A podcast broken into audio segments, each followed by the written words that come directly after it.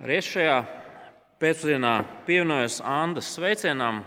Tiešām, lai gan zāle patiešām ir tukša, ir liela un, un brīnišķīga pārliecība par to, ka mēs visi tik un tā varam klausīties Dieva vārdu.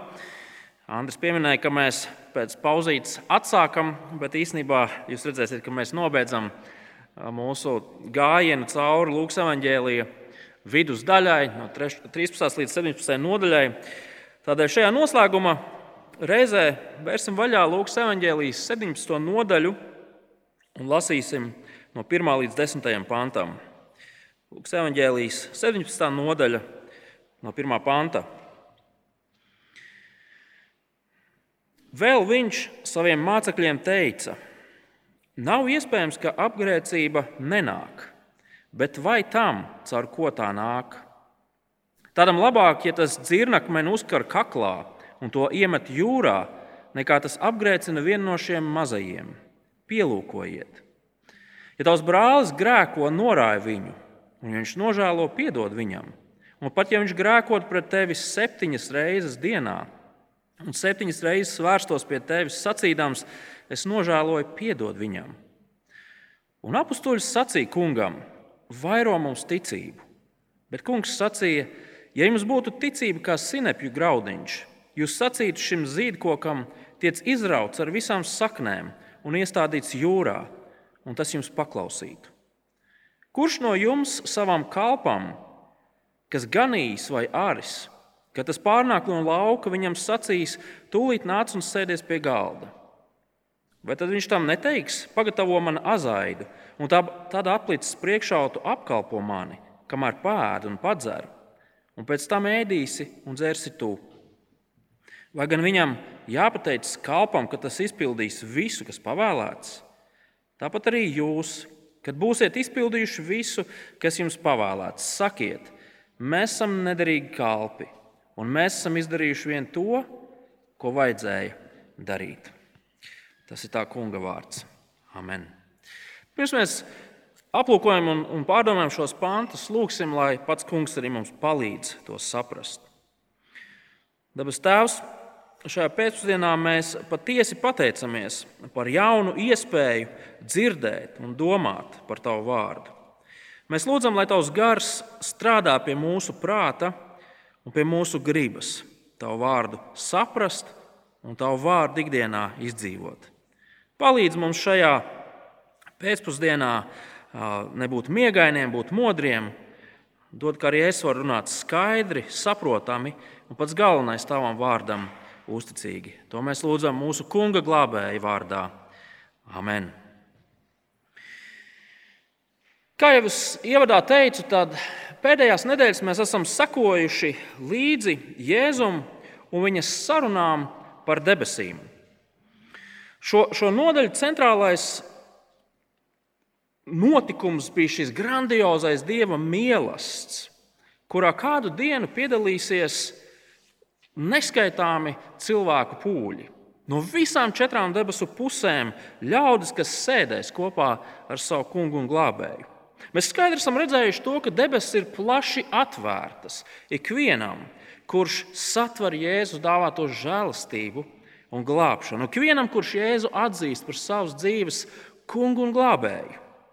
Un, protams, apziņa par to, ka mums ir droša nākotnes cerība kopā ar mūsu kungu un glābēju, tas ir kaut kas brīnišķīgs. Šī apziņa ir tas, tas pamats tam, nemanāmajam, dziļajam mieram, par kuru mēs kā kristieši bieži vien runājam. Ir īpaši tad, kad mēs piedzīvojam pārbaudījumus, grūtības, ciešanas. Bet šajā noslēdzošajā raksturvietā Jēzus savus mācekļus no debesu augstumiem novelk lejā uz šo zemi. No debesu mīlestības ainām, kur, kur mācekļiem būs gods un prieks sēdēt līdzās Abrahamam, Mozum, visiem pārējiem lielajiem ticības varoņiem. Mācekļi tiek atgriezti šeit, šajā salauztajā pasaulē. Šīs pasaules realitātē. No pirmā acu uzmetiena liekas, ka Jēzus saviem mācekļiem izmet vairākas svarīgas, bet savā starpā šķietam nesaistīts pamācības. Cīnies ar grēku, Ja tu ticēsi, iegūsi spējas, visnotaļ interesantas spējas, un atceries, ka beigu beigās tu esi nekam nederīgs. Grēks, ticība un līdzība, kas runā par pavisam tādu atsvaidzinošu perspektīvu uz dzīvi. Ko Jēzus saviem mācekļiem ar to visu, noslēdzot šo sadaļu par debesīm, grib pateikt? Un izskatās, ka šie desmit panti, ar kuriem noslēdzas šī evaņģēlīja daļa, ir kā tāds nopietns brīdinājums par dzīvi šajā pasaulē, līdz mēs nonākam debesīs. Katra no šīm trim lietām, šīm, šīm pamācībām, norāda uz mācekļu nepilnību uz izaicinājumiem, uz grūtībām, ar kuriem mācekļi saskaras un saskarsies. Jēzus vēlas, lai mācekļi skaidri apzinātos savu nepilnību. Un apzinoties savu nepilnību, viņi kā vēl nekad turpinātu turēties pie Dieva žēlstības. Un kāpēc tas ir svarīgi? Kāpēc šāds brīdinājums ir nepieciešams? Ja jūs esat sekojuši līdzi mūsu gājumam cauri šīm nodaļām, tad mēs esam redzējuši to, kā Jēzus pamazām un pakāpeniski atmasko farizēju un raksta mācītāju sirdis. Tā laika reliģiskās elites un vadītāju sirdis. Mēs esam redzējuši to, ka viņi ir lepni un iedomīgi cilvēki. Viņi ir liekulīgi. Viņi uzskata, ka turēšanās pie likumiem un noteikumiem viņiem noteikti garantē vietu pie Dieva. Ikvienu, kurš neatbilst viņu izvirzītajiem un aprakstītajiem standartiem, šie, šie cilvēki sauc par grēciniekiem un bezcerīgiem gadījumiem. Un beigu beigās mēs esam redzējuši, ļoti skaidri redzējuši to, ka šiem cilvēkiem, lai viņi sauc sevi par dieva sekotājiem, patiesībā viņi ir dieva ienaidnieki. Jo ienīstot Jēzu, neizbēgami tiek ienīsts pats Dievs. Un, lai gan mācekļi nav farizēji, mācekļi nav Jēzus ienaidnieki. Viņi mīl Jēzu, nepilnīgi, bet tomēr. Viņi vēlas paklausīt Jēzum, sekot viņam, ticēt viņam, nepilnīgi, bet tomēr. Pharizēju iedomība, augstprātība. Dievs mums noteikti dos, tāpēc ka mēs kaut ko esam izdarījuši, attieksme ir ārkārtīgi lipīga. Kristieši no tās nav pasargāti. Šāda attieksme un pieeja var traucēt kristīgās dzīves izaugsmi, liecību un beig beigās arī savstarpējās kristiešu attiecības draudzē. Un tieši tāpēc, ja Jēzus vēlas, lai kristieši skaidri zinātu savu nepilnību, tā ir realitāte. Mēs esam nepilnīgi cilvēki šai pus debesīm. Un šīs, šī nepilnības apziņa nav nekas slikts. Gluži pretēji. Tā ir nepieciešama, jo tā mūs dzēna turēties pie Dieva žēlstības, pazemīgi meklējot viņu ikdienas. Tad nu, aplūkosim šīs trīs pamācības, kuras Jēzus sadaļas izskaņā dod saviem mācekļiem. Un pirmā ir cīņa ar grēku. Jūs jau zināt, ka Jēzum nekad nav patikušas tādas ma mazas saruniņas riņķī apkārt. Un šīs dienas raksturvieta ir lielisks piemērs. Jēzus uzreiz iet pie galvenā. Un viņš saka milzīgi un ārkārtīgi nopietnu brīdinājumu. Skatieties no pirmā panta. Vēl viņš saviem mācekļiem teica: Nav iespējams, ka apgrēcība nenāk, bet ak, vai tam, caur ko tā nāk. Tādam labāk, ja tam dzirnakmeni uzkar kaklā un to iemet jūrā, nekā tas apgrēcina vienu no šiem mazajiem. Pielūkojiet! Draugi, Jēzus ir realists. Kārdinājumi grēkot, nepaklausīt Dievam, pavisam noteikti nāks. Un mēs zinām, ka tas ir nopietns brīdinājums. Taču mums šajā pēcpusdienā vajadzētu šo brīdinājumu saprast pareizi. Kāpēc? Tāpēc, ka Jēzus šajā brīdinājumā nesaka to, ka mācekļi būs tie, kuriem ap kaklu apmetīs uh, virvi, pie kuras ir piesiets 25 kg, kā minimums smags dzirnakmens, un viņi iemetīs jūrā. Nē, draugi, Jēzus šajos pantos ir ļoti specifisks. Viņš saka, labāk ir nomirt mokošā nāvē, nosmokot zem ūdens, nekā apgrāb, apgrākoties pret vienu no šiem mazajiem. Nedaudz precīzāks tulkojums būtu, nekā likt vienam no šiem mazajiem grēkot. Kas ir šie mazie? Un te mums palīdz konteksts. Redziet, 16. nodaļā, kuru mēs pirms pāris nedēļām studējām, Jēzus pamīšus ir runājis ar saviem mācekļiem un rakstu mācītājiem, farizējiem. Un 16. nodaļas izskaņā Jēzus farizējiem stāstīja līdzību par nabadzīgo lācaru un, un kādu bagāto vīru. Un šajā līdzībā abi divi nomirst. Lācars nonāca debesīs, bet šis bagātais vīrs ellē.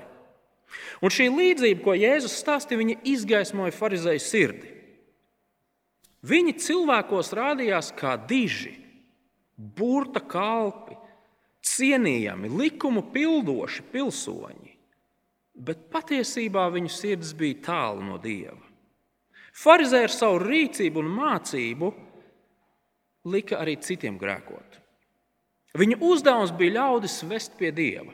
Viņa uzdevums bija rādīt to, ko nozīmē dzīvot kā dieva ļaudīm. Viņa uzdevums bija rūpēties par mazajiem, par tiem, kas ir apspiesti, izstumti, nabadzībā nonākuši, grūtībās nonākuši, tādiem kā Lācars. Taču viņi neko no tā nedarīja. Gluži pretēji. Viņi ar savu darbošanos un savu mācību cilvēkus veda pazušanā. Un uzreiz, pabeidzot šo līdzību, Jēzus griež pie saviem mācekļiem un uzreiz saka, pielūkojiet. Uzmanieties no šāda veida attieksmes, domāšanas un rīcības. Nelīdzinieties šiem cilvēkiem. Viņus nesagaida nekas labs. Redziet, mācekļi dzīvoja laikā, kad farizēji bija ļoti ietekmīgi. Viņi tika uzskatīti par dievu kalpiem, viņi tika uzskatīti par dievu svētītajiem cilvēkiem, par tiem, kuriem visi no mazotnes grib līdzināties. Jēzus saka, pielūkojiet uzmanieties. Šo cilvēku teoloģiju, šo cilvēku attieksmi, šo cilvēku dzīvesveids ved pazušanā cilvēkus.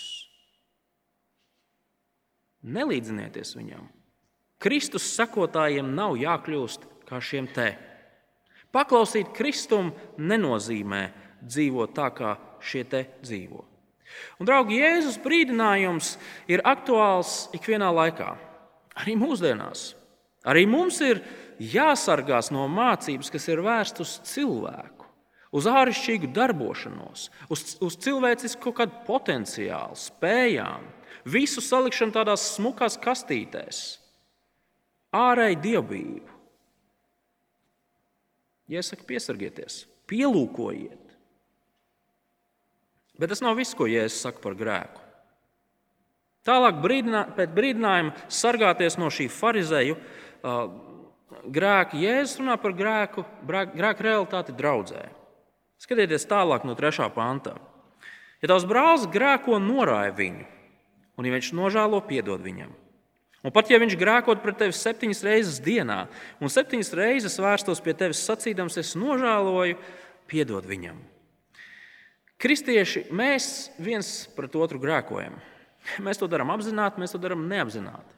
Mēs to darām savā valodā, mēs to darām savos darbos, mēs to darām caur savu attieksmi. Un paldies Dievam, ka mēs nevaram redzēt viens otru domas, kā mēs reizēm viens par otru domājam. Mēs grēkojam. Un šis grēks, kas pastāv kristiešu vidū, ja tas netiek risināts, mēs zinām, kādas var būt tās sekas. Te nu ir tas lielais noslēpums. Mēs esam nepilnīgi. Mēs darām tās lietas, kuras mēs darām, tāpēc ka mēs esam nepilnīgi. Un kā nepilnīgi mēs grēkojam viens pret otru. Tā ir šīs zemes dzīves realitāte. Līdz debesīm mūs kā kristiešus raksturos cīņa ar grēku. Un Jēzus šajos pantos savus mācekļus un arī mūs caur viņiem aicina uz drosmīgu un žēlstības pilnu rīcību. Pirmkārt, Jēzus saka, ka grēks ir jākonfrontē. Te ir runa par ārēji redzamu grēku. Tas, kas notiek cilvēka sirdī vai prātā, to, protams, mēs nevaram redzēt. Tas, lai paliek Dieva ziņā. Bet, ja es saku, ārēji redzams grēks, ja kāds pret mums grēko, mums ir jārunā ar šo vainīgo. Jārunā ar šo vainīgo. Nevis jāstaigā apkārt un jāklačojas par to, ko kāds brālis vai māsa ir nepareizi darījis. Un mēs visi zinām, cik tas ir grūti. Mums nepatīk šīs sarunas. Kāpēc? Tāpēc, ka mēs negribam sabojāt attiecības. Preizi. Mēs negribam aizskart otru cilvēku. Mēs negribam nonākt šī cilvēka pelēkajā vai pat melnajā sarakstā. Draugi, vai jums ir bijušas sarunas, kurām ir jānobriest?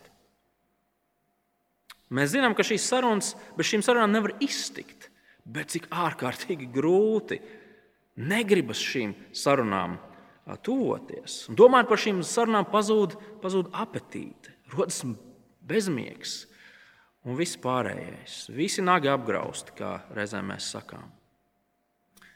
Un tā mīļā miera labad mēs Redzot brāli vai māsu grēkojumu, mēs neko nedarām.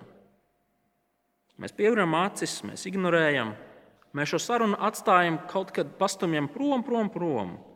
Līdz gada beigām var būt tās kaut kad. Taču, draugi, patiesība ir tāda, ja cilvēks paliek un dzīvo grēkā, mēs šim cilvēkam laupam iespēju piedzīvot izmaiņas, kas ved uz briedumu, kas sākas ar grēku nožēlu. Nemaz jau nerunājot par to spriedzi, ko grēks rada cilvēku savstarpējās attiecībās, ko grēks rada draudzē. Un tā Jēzus aicina uz drosmīgu sarunu, uz grēcinieka konfrontāciju. Tā vietā, lai sāktu kurnēt, gruzdēt vai staigāt apkārt, lai klačotos, mēs ejam pie savu ticības brāļa un māsas un izsakām savas bažas, parunājam ar viņiem. Mēs to darām aiz patiesas cieņas un vēlmes redzēt šajā cilvēkā to, ka viņš pieaug. Mēs rūpējamies par viņa garīgo labklājību. To, kā cilvēks reaģē uz mūsu pamudinājumiem, to mēs atstājam Dieva ziņā. To mēs nevaram ietekmēt. Esam drosmīgi. Bet otrkārt, Jēzus saka, mums ir jābūt arī žēlsirdīgiem. Nožēlots grēks ir jāpiedod. Tajā brīdī, kad kāds pret mums grēko, atdošana, pat tad, kad ir pausta nožēla, nāks ļoti grūti pareizi. Mēs, mēs, mēs gribam, lai otrs cieš, lai, lai viņš pamokās, lai viņš uz savas ādas piedzīvo to, ko viņš mums ir nodarījis. Jā, mēs viņam piedosim, bet vēl ne. Vēl ne. Turklāt, kāda ir garantija, ka, ka šis cilvēks pēc kāda laika atkal nedarīs to pašu? Un, draugi, vai jūs pamanījāt, ka Jēzus vārdi pieļauj šādu iespēju? Un pat ja viņš grēkot pret tevi septiņas reizes dienā, un septiņas reizes vērstos pie tevis, sacīdams, es nožēloju, piedod viņam. Septiņas reizes dienā piedod viņam, ja viņš nožēlo. Šī, šī grēka, nožēlas, atdošanas aplis skaidri izgaismo mūsu nepilnību. Un beigu beigās Jēzus vārdi netieši mums liek raudzīties uz Dieva dāvāto žēlstību un atdošanu. Cik reizes mēs tiešā vai pārnestā veidā nesam lējuši gaužas asaras par grēku, ko mēs esam pastrādājuši? Gaužas asaras lūgdami atdošanu dievam. Septiņas reizes, varbūt 70 reizes, septiņas reizes, varbūt vēl vairāk. Un tas pārsteidzošais ir tas, ka Dievs vienmēr mums ir piedevis. Un viņš no jauna mūs ir pacēlis, notīrījis un teicis, labi, es tev piedodēju tālāk. Tev ir mana žēlastība. Būt par kristieti Līdz ar to nozīmē nopietni uztvert grēka realitāti mūsu dzīvē. Šīs zemes dzīves laikā mēs ikdienas piedzīvosim kārdinājumu darīt to, kas nesaskan ar Dieva prātu. Un tādēļ mums ir jāuzmanās no tā, kādām pamācībām un mācībām mēs paklausām, kādiem skolotājiem mēs sekojam. Bet tieši tikpat centīgi mums ir jārūpēs, lai grēks nevaldītu un neiezaktos mūsu vidū. Ar grēku ir jācīnās. Mūsu visu dzīvē būs situācijas, kad mums būs jārunā par grēku. Mēs visi piedzīvosim situācijas, kur ar mums runās par mūsu grēku. Mēs visi piedzīvosim situācijas, kurās mums būs jānožēlo un jāpiedod. Draugi, kādu dienu šī cīņa beigsies? Bet līdz tai dienai, redzot savu nepilnību, turēsimies pie Dieva dāvātās atdošanas, pie Dieva dāvātās žēlastības, jo tikai tas mums ļaus drosmīgi raudzīties un cīnīties ar grēku un žēlstības pilniem piedot grēciniekiem, kad tas ir nepieciešams. Un skaidrs, ka tas nav viegls uzdevums. Un ļoti iespējams tieši tas mācekļus noved pie lūguma, kas ir izteikts 5. pāntā. Skatieties, un apstuļs sacīja kungam, vairo mums ticību. Un tā ir otra lieta, par ko Jēzus runā - ticība. Kurš gan no mums nav izteicis šādu lūgšanu? Vairo mūsu ticību. Mēs gribam, lai mūsu ticība augtu lielāk, lai tā būtu spēcīgāka. Un mēs varam mācekļus saprast. Dzīves sabiedrībā, kurā, kurā kristīgā ticība netiek pieņemta vēl vairāk, tu vari zaudēt savu galvu, burtiski galvu, nevis saigt prātā, ticības dēļ. Viņiem vajag lielāku ticību. Skaidrs, ka vajag. Taču Jēzus atbild ir neparasta. Skatieties, 6. pantā. Bet kungs sacīja, ja jums būtu ticība kā sinepju graudiņš, Jūs sacītu šim zīdkokam, liec izrauts ar visām saknēm un iestādīts jūrā, un tas jums paklausītu. Man uzreiz prātā nāk visi tie triku meistari, kas skatoties, var salocīt karotes un dakšiņas un ar skatienu pārvietot priekšmetus. Tas tik būtu kaut kas, vai ne? Ja mēs varētu sakoncentrēties, likt krēsliem pāršļūt pār telpu, vai kalniem pārcelties, vai kokiem iestādīties jūras vidū. Es nezinu, kāds praktiski no tā lamas, bet nu labi. Šaus ir garantēts. Un patiesi pasaulē netrūks šarlatānu, kas šo, šos Jēzus vārdus izmanto, lai pieviltu vajadzībās nonākušus cilvēkus. Ja vien tev būs pietiekami liela ticība, tu nekad neslimosi. Tu būsi bagāts, tu būsi vesels, tu būsi mūžam jauns un skaists. Tavi mati tavi mati ataugs. Un skatoties šos šarlatānus, mēs dzīvojam sevi šausmīšanā. Ikreiz, kad saskaramies ar finansiālām grūtībām, slimībām, ciešanām, bēdām. Taču Jēzus savā atbildē pārdefinē to, kas mācekļiem patiešām ir vajadzīgs. Tā viņš šķiet, ka viņiem ir vajadzīga nevis lielāka ticība, bet gan pavisam mazītiņa ticība, kā maza sēkliņa. Jēzus atbildi norāda uz cita veida īpašību, kurai vajadzētu raksturot ticību. Nevis lielumu, bet īstumu. Ja ticība ir īsta, tad tās izmēram nav nekādas nozīmes. Bībeles komentētājs Leons Moris par šo pāntu ir teicis, Jēzus prasa nevis lielu ticību dievam, bet gan ticību lielam dievam. Nevis lielu ticību dievam, bet ticību lielam dievam. Un viņam ir taisnība. Līdz šim Lūkas evanģēlijā šīs pirmās 16 nodaļas, kuras mēs esam studējuši, mēs redzam to, ka, ka īsta ticība saistās nevis ar lielumu, spēku, varenību, bet gan ar ticības objektu, ar to, kam tad mēs ticam. Ja ticam tam, ka Dievs ir sūtījis Jēzu Kristu, nomirt pie krusta par mūsu grēkiem, kurš ir augšām cēlies un valda šajā pasaulē un valdīs pār visu, mūsu ticība ir īsta.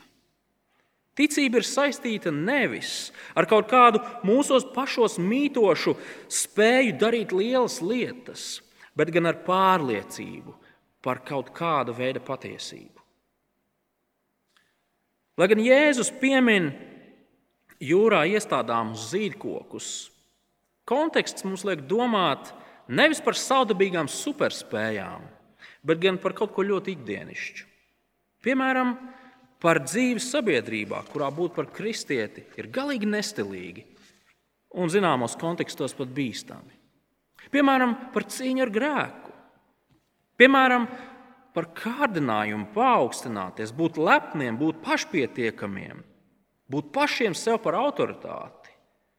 Piemēram, par ikdienas kārdinājumu darīt lietas pēc sava prāta, nevis dieva prāta. Draugi, godīgi sakot, sīkums ar visiem lidojošiem kokiem palīdz man vienu nedēļu vai vienu dienu dzīvot bez grēka. Draugi, dzīvojot šeit uz zemes, mums visiem ir nepieciešama īsta ticība. Tā mums ir vajadzīgs saskaroties ar apkārtējās sabiedrības spiedienu, dzīvot citādāk, ne tā kā Dievs ir atklājis. Īsta ticība mums ir vajadzīga, kad saskaramies ar kārdinājumiem, kas nāk no mūsu pašu vecās dabas paliekām. Tā mums ir nepieciešama, kad saskaramies ar grēku savā un citu cilvēku dzīvē. Un ticība saistās nevis ar kaut kādu jocīga, jocīgām lietām, bet gan ar to, kam mēs īsti ticam. Ar mūsu kungu Jēzu Kristu. Ja mēs ticam un esam pārliecināti par to, ka Jēzus ir valdnieks, Dieva sūtīts glābējs, tas mums palīdzēs. Kad jutīsim kārdinājumu, glābšanu meklēt kaut kur citur, vai savā dzīvē pieslieties kaut kādām citām lietām, nevis kungām, vai savā dzīvē kalpot kaut kam citam, nevis glābējam Jēzum. Šāda ticība mums palīdzēs tad, kad mēs saskaramies ar šīs zemes dzīves, ar šīs zemes dzīves grūtībām pārbaudījumiem, slimībām, pat nāvi. Kādā veidā tas ir iespējams?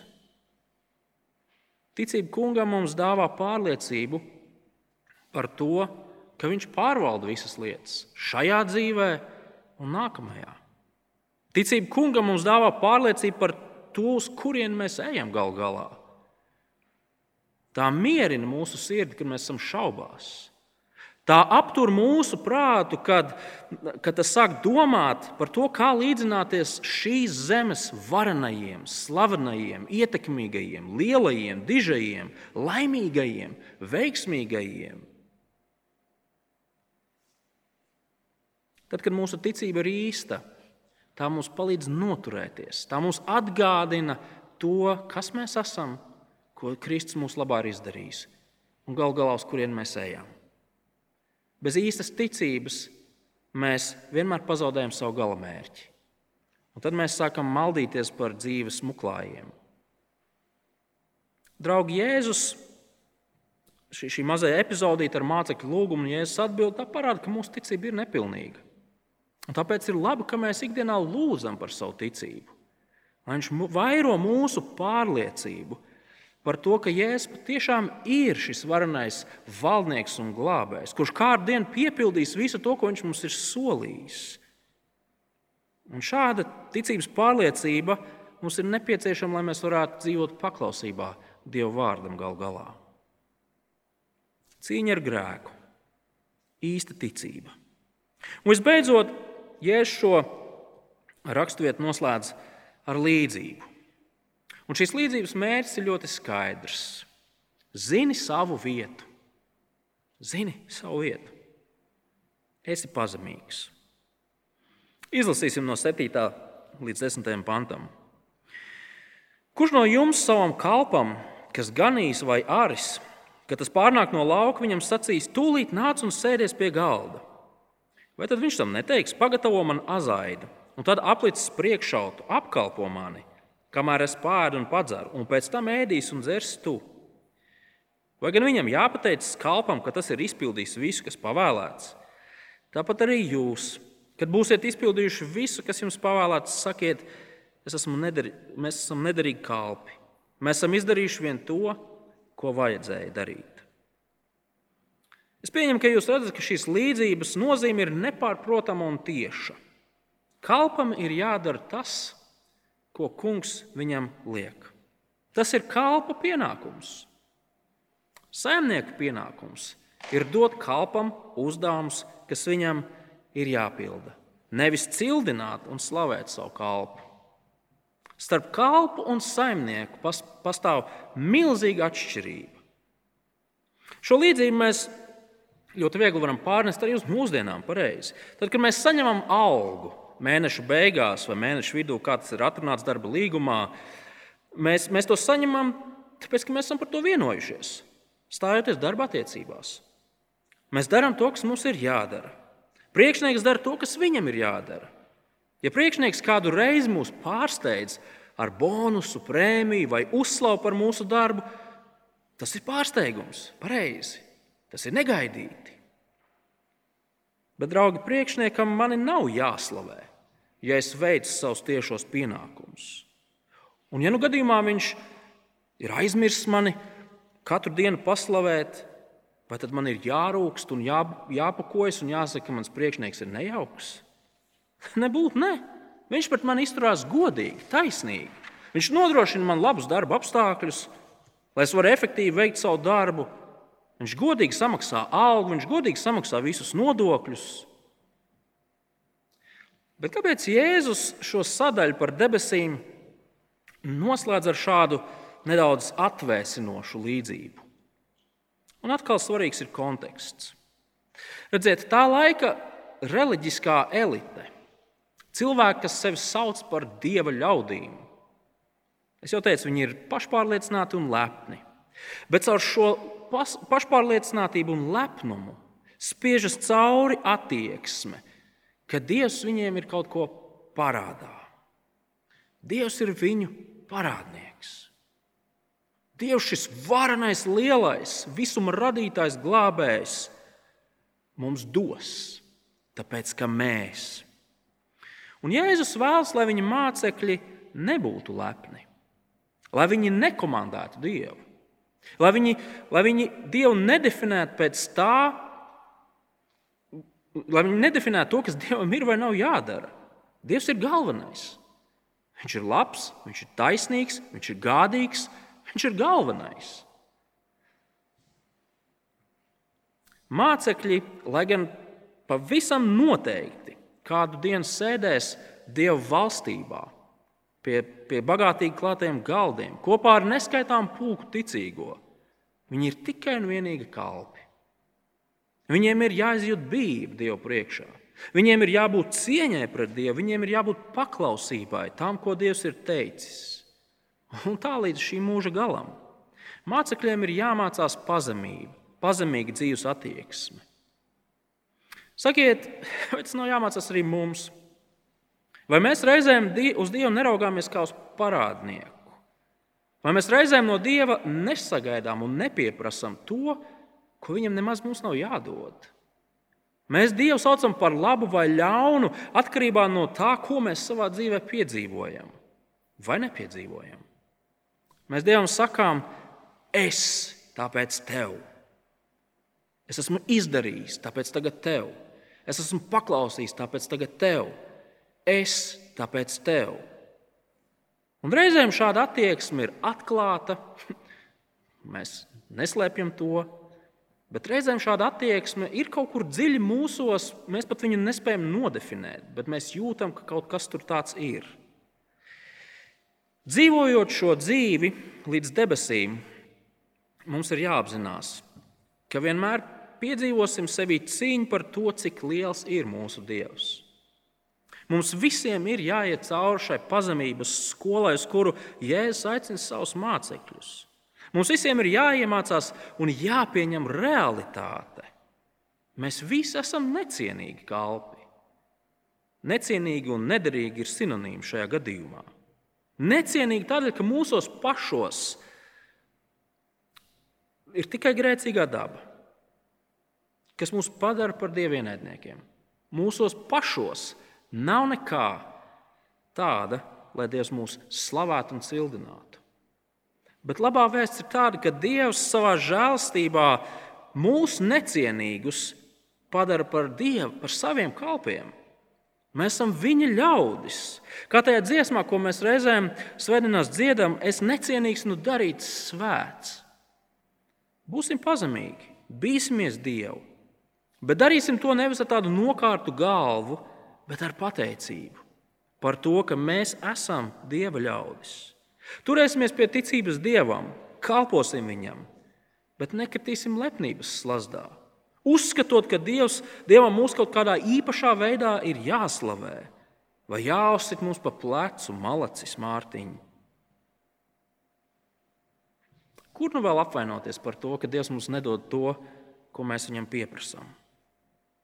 Nē, draugi, Dievs ir Dievs, mēs esam cilvēki.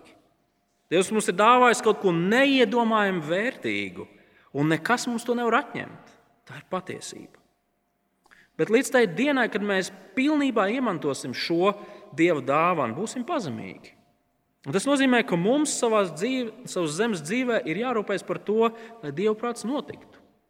Lai mēs dzīvotos pēc tā, pēc kā dzenas Dievs, lai mēs augstu vērtētu to, ko Dievs augstu vērtē, lai viņa prioritātes būtu mūsu prioritātes, lai mēs darbotos Dieva laukā, lai viss mūsu dzīvēm Vai tas būtu mūsu darbs, vai tās būtu mūsu attiecības, vai tā būtu bērnu audzināšana, vai tā būtu mūsu atpūta, vai tā būtu mūsu kalpošana draudzē, vai tas būtu tas laiks, ko mēs reizēm eh, vienkārši izmetam vējā, sēžot Facebookā, klačojoties.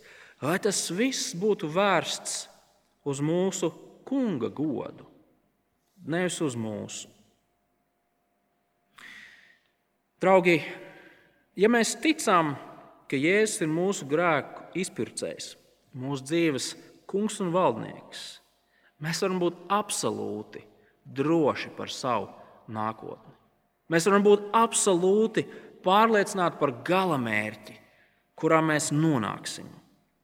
Pavisam droši. Bet līdz tai dienai apzināsimies savu nepilnību. Apzināsimies to, ka mēs esam grēcinieki, apzināsimies to, ka mūsu ticība ir nepilnīga, un apzināsimies to, ka mēs ikdienā esam aicināti atcerēties, ka Dievs ir Dievs, un mēs esam viņa izglābtie kalpi.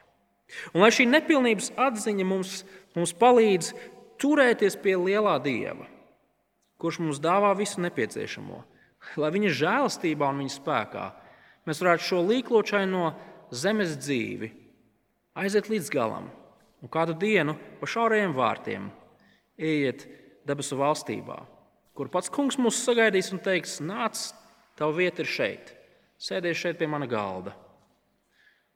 Lai Dievs mums visiem uz to palīdz. Lūksim. Dabas Tēvs, mēs Tev pateicamies par Tavu žēlstību. Tavu žēlstība mūs, necienīgus grēciniekus, ir attaisnojusi samaksājot par mūsu grēku, Tev žēlstība mūs ir pasludinājusi par svētiem, par taviem ļaudīm, par tiem, kas ir tavs mantojums un prieks, par tiem, kas kādu dienu saņems mantojumu no tevis, kas sēdēs pie galda tavā valstībā. Tāpēc Tēvs Kristū viņa nopelnā šis apsolījums ir drošs. Mēs varam būt par to pārliecināti. Un tādēļ lūdzam, ka šajā dzīvē saskaroties ar grēku, ar masticību, ar, ar to, ka mēs aizmirstam par to, ka mēs kalpojam lielam dievam, Kungs, lūdzam, lai Tavs žēlstība mums palīdz iziet tam visam cauri. Palīdz, lai Tavs žēlstība mums uh, rāda ceļu, vada un dod vajadzīgo spēku pastāvēt. To mēs Tev lūdzam Kristus vārdā. Amen.